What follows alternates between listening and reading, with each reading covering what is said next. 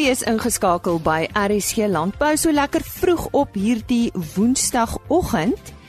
Hartlik welkom en my naam is Lise Roberts. Ons gesels vandag oor presisie data met Agri Technovation. Dan praat ons oor die nasionale minimumloon wet en ons vertel u van 'n veiling wat eersdaags plaasvind by Kasteel de Wild, maar dit is nie net 'n veiling nie. Daar is ook uh, iets vir almal. Ons gesels volgende oor die 7de Kasteel de Wild Prestige Wildveiling en uh, ja, gewoonlik as ons oor Kasteel de Wild sake praat, dan praat ons maar met Engelien Gericke. Engelien, lekker om weer met jou te gesels. Ek onthou so tydjie gelede met jou gesels toe julle nou julle groot fees daar by Kasteel de Wild gehad het. Maar ja, vanoggend praat ons nou hieroor. Ja, oor na jou toe. Hallo Lize. Dis 'n heerlike wintersoggend by Casa de Wild in Morimolle. Ek sit hier op die stoep met 'n lekker koppie kondensmelk koffie en 'n happie boerebeskuit en ek kyk uit oor die pragtige tuine waar die ysbergrose stuurwit en mals met mekaar wetywer om te blom. Diegene wat die besonderse Casa de Wild ken sal weet, as die rose so blom, is dit veilingtyd en ons hou inderdaad weer 'n keergraad wildveiling op die 13de Julie. Daar's reeds hier 'n paar diere in die bomas.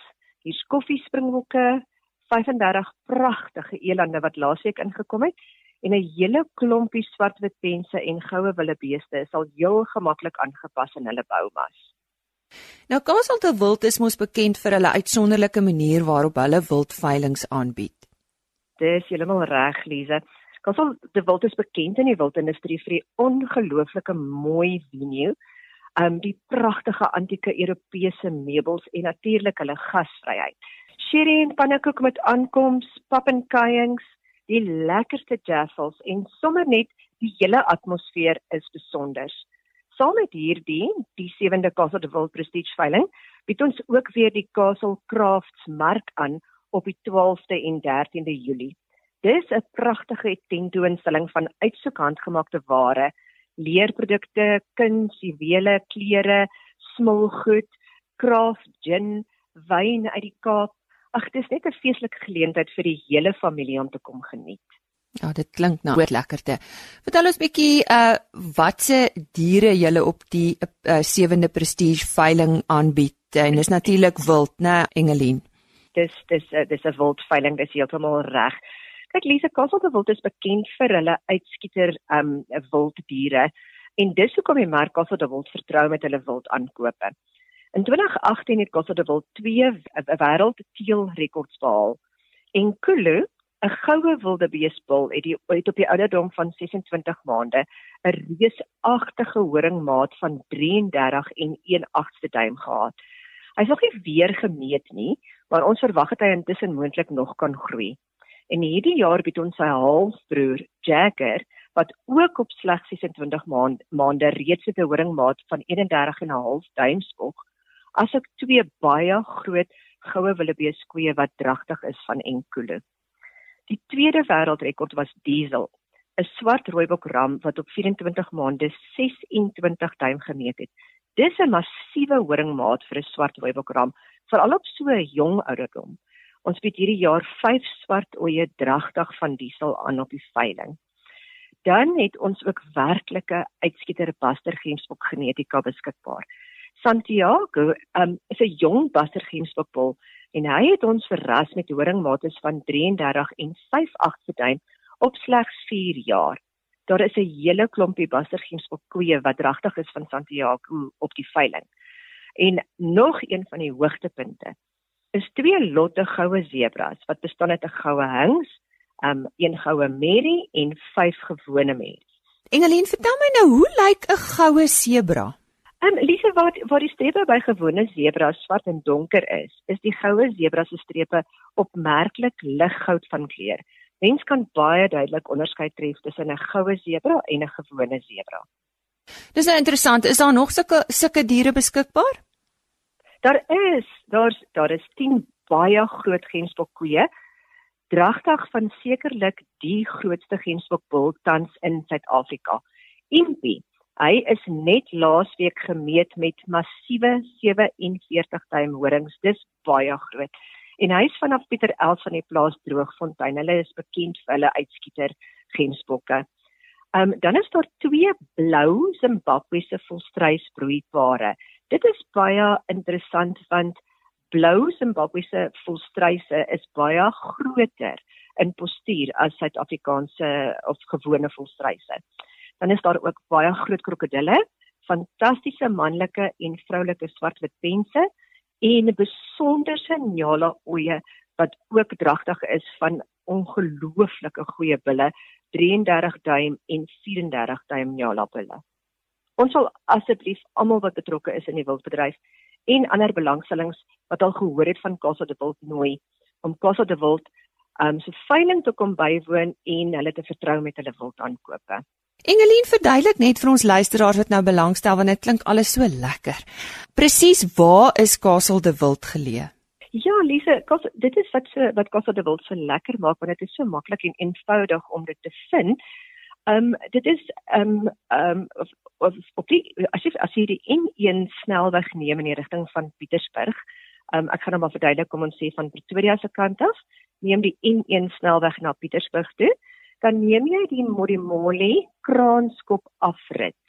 Um en uh, ek draai jy links in die rigting van Modimolle en dit is so 4 km dan kry jy hierdie fantastiese Castle de Wild, dit hierdie ongelooflike gebou op jou regterkant. So baie maklik om daar uit te kom. Nou goed, waar kan ons luisteraars meer inligting kry? belangstelling dis wat wat in die wild belangstel kan gerus vir Kaal Vos skakel as ons bemarker en sy nommer is 082 467 1807 en natuurlik ons Facebookblad Castle de Wild het daagliks nuus en nuwe inligting. Luisteraars kan ook op ons Facebookblad deelneem aan ons kompetisie om 'n Winchester XP Extreme Defender haalgeweer te wen. Lisa, ons sien sommer baie uit om al RSG se luisteraars op 12 en 13 Julie by Castle de Wild vir die Castle Crafts en die 7de Prestige Wild veiling te ontmoet. Nou, ons het daar gesels met Engelien Gericke. Sy het vir ons vertel van hierdie 7de Castle de Wild Prestige Wild veiling en soos sy genoem het, dis op 12 en 13 Julie by Castle de Wild. Boere het voortdurend nuwe en beter tegnologie nodig om volhoubaar te kan produseer.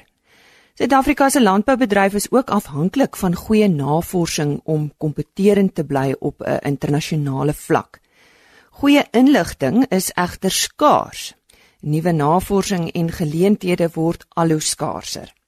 Die gebruik van verwerkte presisiedata bied geleenthede om die effektiwiteit van insette soos saad en kunsmis te begin kwantifiseer in rand en sent. Maar die vraag ontstaan, kan graanboere met varierende saad en kunsmis aanplantings meer winsgewend maak op 'n hektaar basis? Nou gelukkig gesels ek ver oggend met Willem Eigenhuis.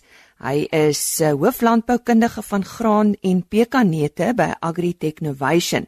En hy praat met ons oor hulle navorsing en data ekstraksie uit presisiedata wat baie produsente kan help antwoorde gee met die vraag.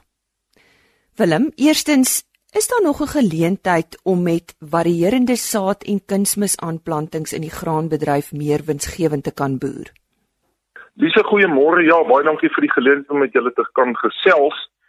Dis insetkoste op grane styg elke jaar en omdat boere prysnemers is in die graanbedryf, bestaan die vraag of ons van die met insette soos saad en kunsmis wel effektiewer kan bestuur. Nou, saad en kunsmis maak vir 'n graanboer ongeveer 35% van sy totale insetkoste per hektaar uit as jy na Graan SA se opsommings gaan kyk. En Lise, dis 'n groot gedeelte. Maar kan ons wel meer winsgewend boer om saad en kunsmis te varieer volgens grondpotensiaal? Ek meen dit dit bly maar die vraag. En ek sien ook in die graanbedryf verskillende opinies oor die gebruik van varierende saad en kun in uh, kunsmis insette op lande.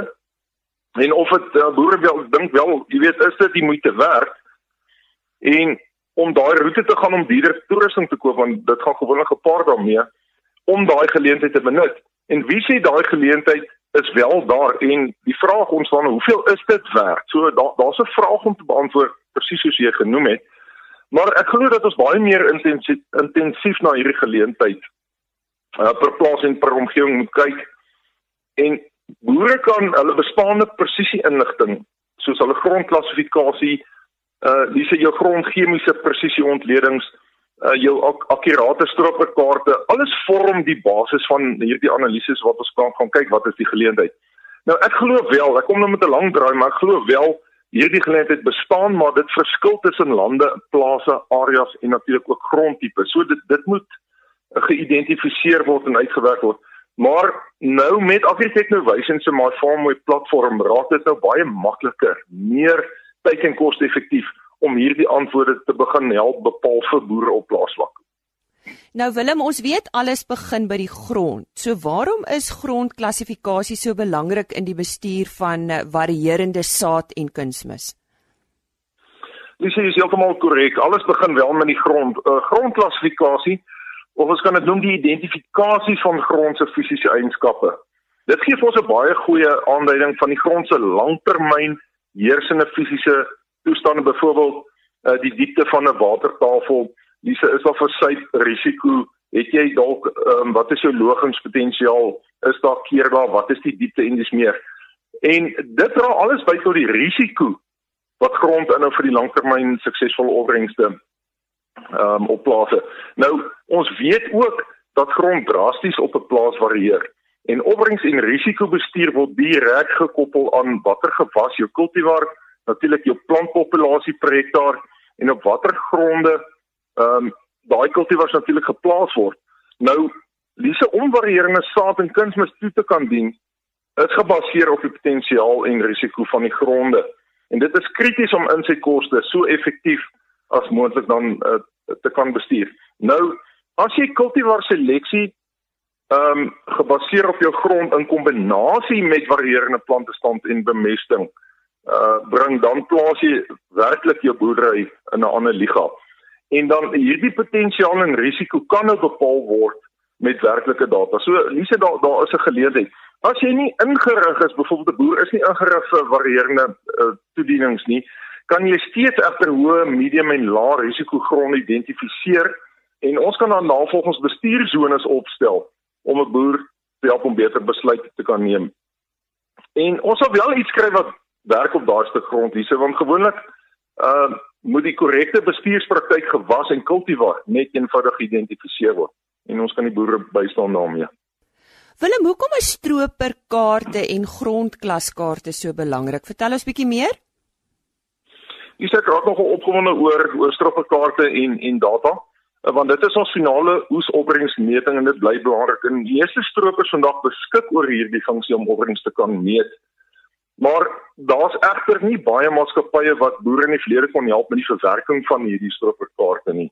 En dit het ongelukkig nou veroorsaak dat baie stropperkaarte uh, verlore geraak het want die boere het net sê maar niemand vra my daarvoor nie. Nou Agritech Innovation verwerk uh, boere se stropperkaarte en ons laai dit ook dan vir hulle op die uh, my farm met platform. En Lise, dit is die geleentheid om stroper data saam met jou grondklas wat ons nou oor gepraat het in te span om dan daai korrekte areas van grondpotensiaal variasie en risiko's uh, te kan bepaal. En uh, wat ons dan daarmee doen, ons ons maak 'n saamgestel of 'n composite kaart soos Engelsman sê vanuit hierdie verskillende oesjare se data en dit vorm natuurlik 'n baie of baie goeie basis vir die skryf van hierdie varierende saad en kunsmiskaarte wat ons boere mee kan bystaan. Nou goed, skets bietjie vir ons die totale kommersiële prentjie in rand en sent. Lise, ek het 'n uh, volgende werklike uh, voorbeeld wat ek net vir jou kan noem. 'n uh, boer in die Oos-Vrystaat, hy het byvoorbeeld 307 hektaar mielies geplant op baie goeie lande. Ons het dan ook uitgewerk sy 3 jaar gemiddelde, sy langtermyn gemiddelde opbrengs is baie hoog staan op 8.2 ton per hektaar. Maar uit die legende wat ons dan uit hierdie saamgestelde kaarte kan doen, het ons gesien dat 14% van hierdie oppervlakte onder 5 ton opbrengs gee. Nou Lise wat ons gaan doen het ons het gaan kyk na Graan SA se sensitiwiteitsanalises vir die Oos-Vrystaat en daar wys dit dat jy eers begin wins maak op 5 ton per hektaar se opbrengs teenoor R2300 se um, en 'n totale inset van R9500 per hektaar.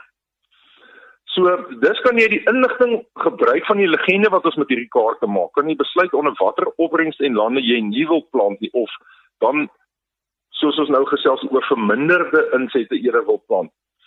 Nou uit hierdie voorbeeld het ons gesien as jy daardie 14% hektaar nie gaan plant nie, dan lig jy jou gemiddelde of langtermyn gemiddelde opbrengs van 9.2 ton per hektaar en dan spaar jy 403 000 rand as uh, jy weet in totaliteit om nie op daai grond te plant nie.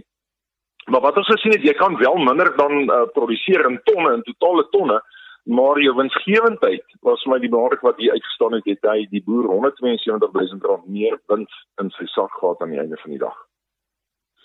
Nou Lise, as ons gaan kyk na 'n ware uh, um kommersiële prentjie uh, ook ook in die Oos-Vrystaat het ek 'n boer uh, in die laaste plantseisoen 2017-2018 plantseisoen het ons 2802 hektaar mielies geplant en ons het die totale varierende saad in uh, indeling gedoen. Ons het nog steeds, hier was nie 'n besparing interessant genoeg. Ehm um, dit hang wat die boer se uh jy weet se opinie is ten opsigte van ehm um, plantpopulasie per hektaar, maar in hierdie geval het ons nie werklik saad ges, gespaar nie. Maar ons het gesien interessant genoeg dat kultivars soos DKC 7565 BR het uit die proe en uit die inligting gewys dat 'n 1.7% beter oesverbetering kan gee en wat vir jou dis 'n ekstra R116.59 per hektaar in die boer se sak gebring net net uit die keuse van daai kultivar. Ons noem dit ook die gewoonlike die flex eienskap van van die genetika. Dan op die varierende kunsmis waar het ons egter 'n groot besparing gesien van 28% en dit was omtrent R457 per hektaar En op daai totale hektaar release het ons amper 1.28 miljoen rand of 4.8% op totale insetkoste uh besparing gesien. Kan hierdie geleenthede vir winsgewendheid op die My Farm web platform uitgewys word, Willem?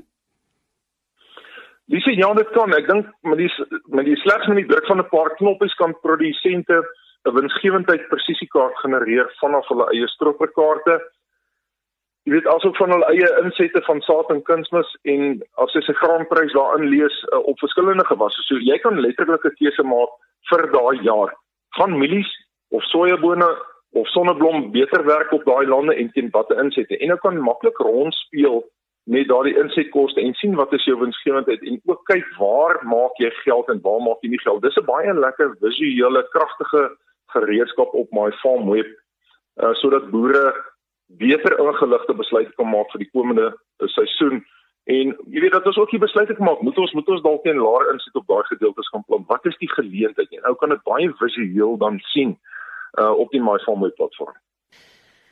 Willem nou internasionale literatuur en navorsing wys ook wisselende geleenthede wat die voordele van varierende saad en kunsmisaanplantings betref. Uh, Brei vir ons 'n bietjie uit daarop. Dis ja, dit is baie interessant uh om ook na internasionale literatuur te gaan kyk. En hulle het ook wisselende resultate uitgewys met hierdie hele varierende saad en kunsmisaanplanting scenario. Nou, wat hulle gevind het wel is dat as jy plase kry met baie hoë gemiddelde uh of potensiële produksies, dan verminder die geleentheid van varierende saad en kunsmis. En dit is dalk redelik beperk. Maar ek is redelik oortuig na aanleiding van 'n hele paar duisend hektaar se grondklas dat daar baie min sulke plase regtig in Suid-Afrika is omdat ons regtig groot variasie het. Wat ook interessant is wat uit die internasionale literatuur uitgekom het, is dat daar wel werklike geleenthede is om jou winsplaasomgewendheid te bevoordeel as jy minder as 10% ehm um, of skies meer as 10% hierdie natuurlik hierdie potensiële lae potensiële gedeeltes het wat nie wins maak nie. So dan kan dan is daar wel 'n geleentheid om meer winsgewend te wees uit varierende saad en kunsmis. Maar lees met lokale voorbeelde en geleentheid sien ons ook dat gronde kan nie net altyd uitgegooi word met swakke produksie nie, omdat dit nog steeds help om 'n plaas se totale oorlose kostes te dra.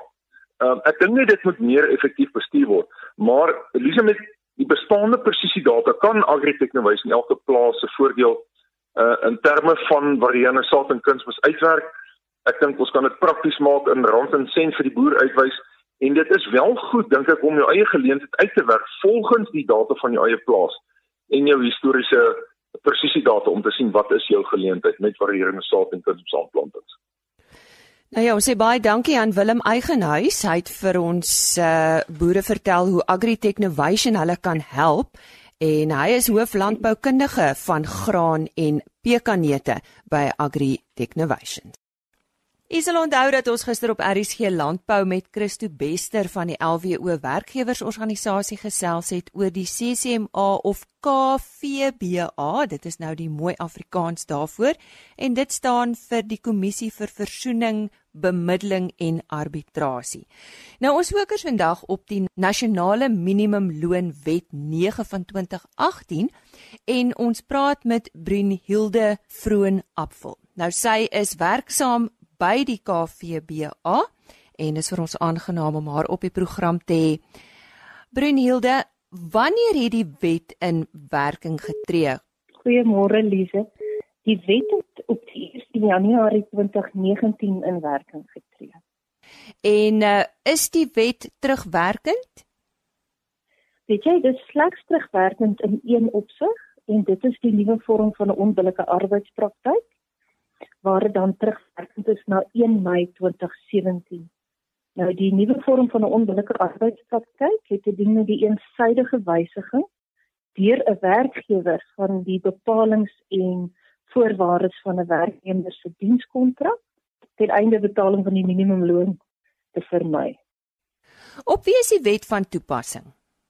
Liewe dis alle werkgewers en werknemers van toepassing behalwe die gewone uitsluiting.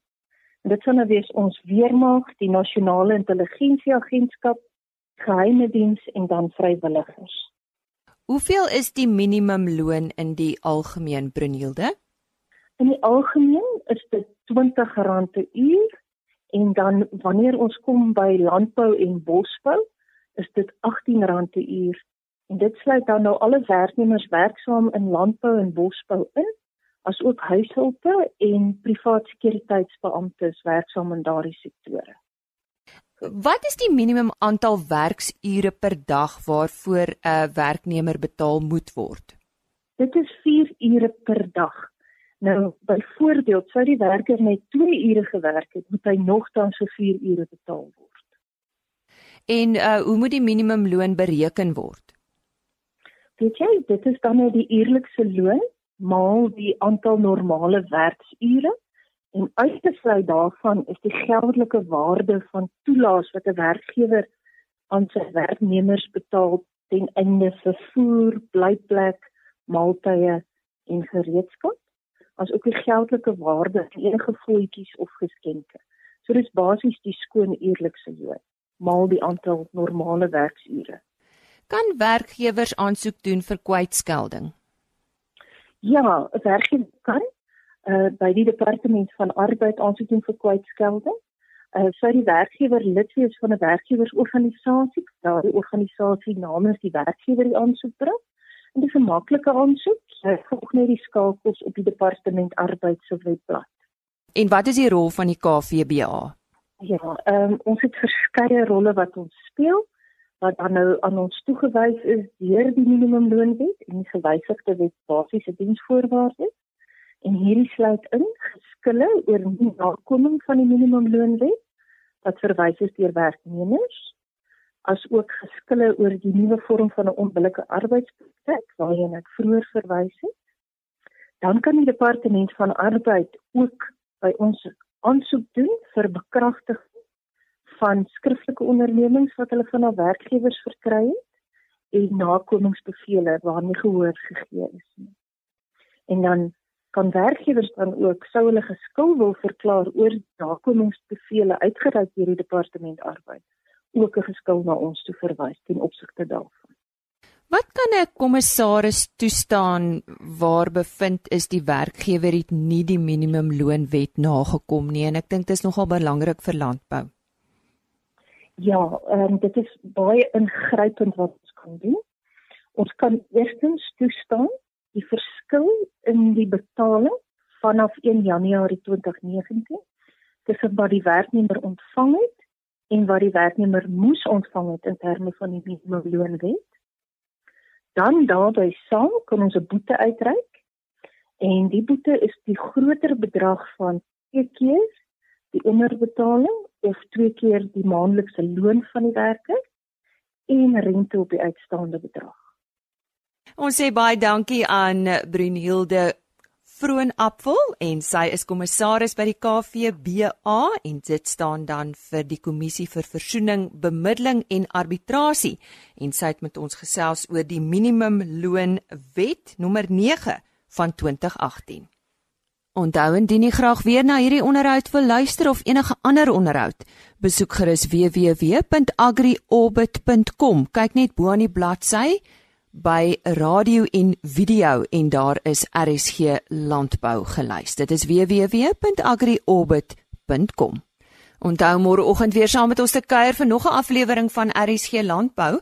Ons praat met SA Stambok oor doeltreffende vleisproduksie En uh, ons praat ook met 'n kundige oor uh, wat gebeur as 'n geliefde sterf. Dikwels uh, weet ons nie watter stappe om te neem nie of wat eerste belangrik is of om dalk nou reeds in plek te hê indien so iets gebeur.